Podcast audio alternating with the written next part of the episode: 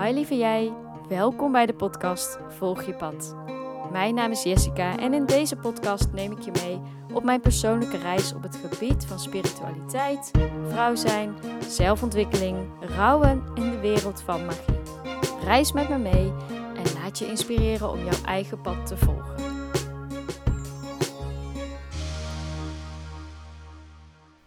Wat als je leven nu in één keer helemaal anders loopt dan dat jij had bedacht of gepland en je even niet meer weet welke richting je op moet gaan en wat je nu moet gaan doen?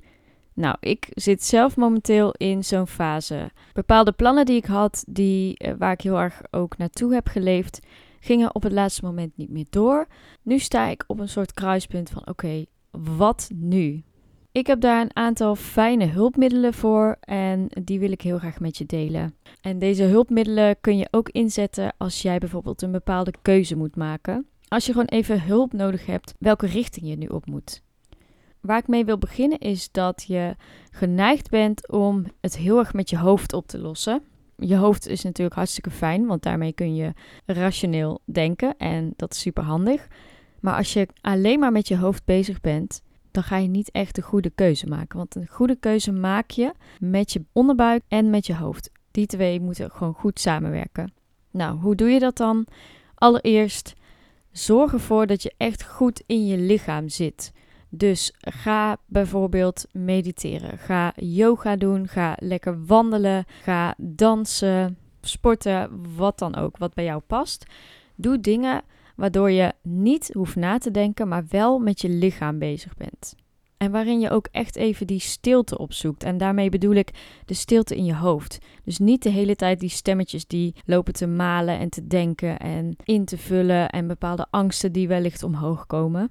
Neem echt even de tijd om heel goed in je lichaam aan te komen en je hoofd eventjes uit te schakelen.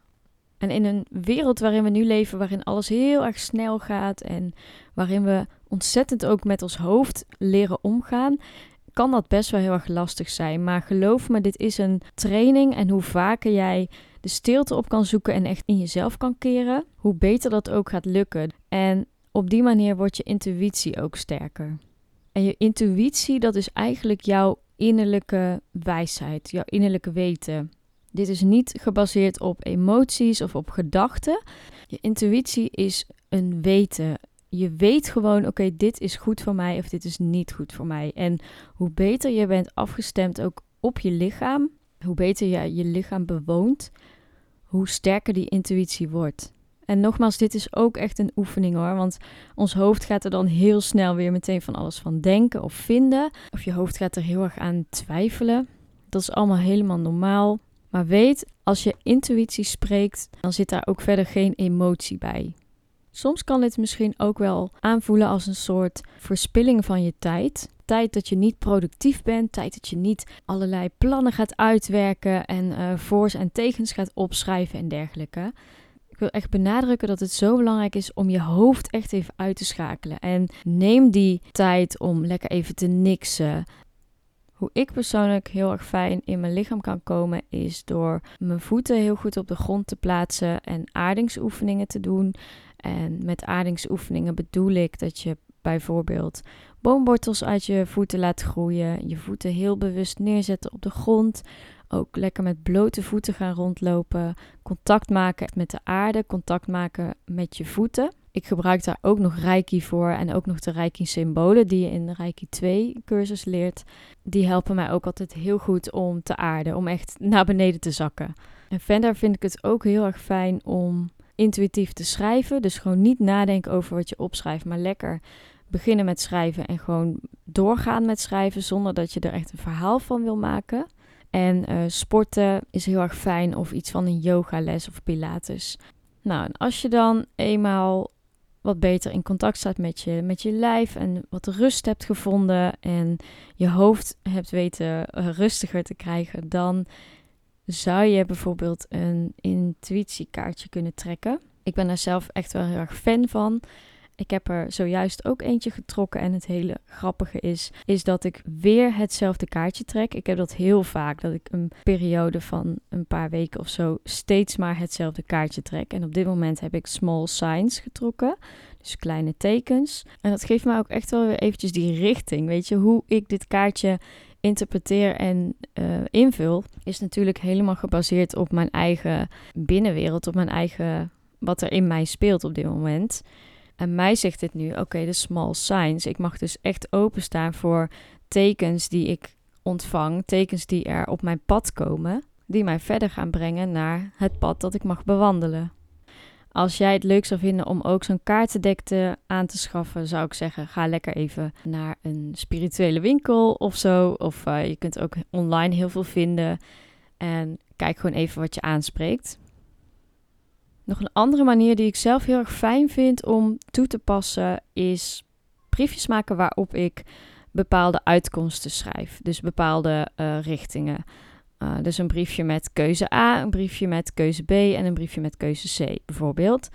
En die briefjes die of ik leg ze op de grond omgekeerd zonder dat ik weet op welke plek welke keuze ligt.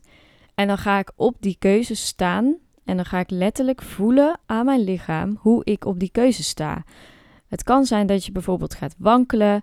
Het kan zijn dat het heel oncomfortabel voelt. Het kan zijn dat het juist heel prettig is of dat je heel stevig staat. En als je dan op al die keuzes eventjes gaat staan en de tijd gaat nemen wat dat met jou doet, uh, dan kun je uh, daarna voor jezelf een keuze maken van hier voel ik me het fijnst bij. Dan draai je dat blaadje om en dan weet je wat op dat moment het beste voor je is. Je zou dit ook tussen je handen kunnen doen. Dus je kan ook briefjes maken, daarin de keuzes opschrijven of de uitkomsten. En dit tussen je handen houden en op die manier voelen welke voor jou het prettigst voelt. Dat is ook een eventueel een optie. En het laatste wat ik nog mee wil geven, dat uh, past ook wel heel erg bij het kaartje Small Signs wat ik uh, heb getrokken. En dat gaat heel erg over tekens die je ontvangt, tekens die op je pad komen. Let daarop, want ik geloof heel erg dat dingen niet voor niets gebeuren. En als jij bijvoorbeeld plannen had gemaakt die ineens niet meer doorgaan, of je staat voor een bepaalde keuze, dan gebeurt dat ook niet voor niets. En je wordt daarin ook begeleid. Dat is echt waar ik heilig van ben overtuigd. Als jij op de tekens let, en dat kan bijvoorbeeld zijn dat iets nou heel erg makkelijk gaat. Of juist heel erg moeilijk gaat. Dat het heel moeizaam vooruit komt en steeds maar dingen verkeerd gaan. Of uh, je moet het opnieuw doen of weet ik het wat. Dan word je eigenlijk een soort van tegengewerkt. En dat kan dus ook een teken zijn dat dit niet jouw pad is. Let daar ook op. En let er ook op wat mensen bijvoorbeeld zeggen tegen je. Of welke woorden je bijvoorbeeld ziet onderweg. Of, of welke richting je misschien wel letterlijk wordt ingeduwd. En nogmaals, hoe beter jij je hoofd rustig kan krijgen en veel beter in je lijf komt te zitten, hoe makkelijker het voor je gaat worden om echt te voelen welke richting of welke keuze voor jou het beste is.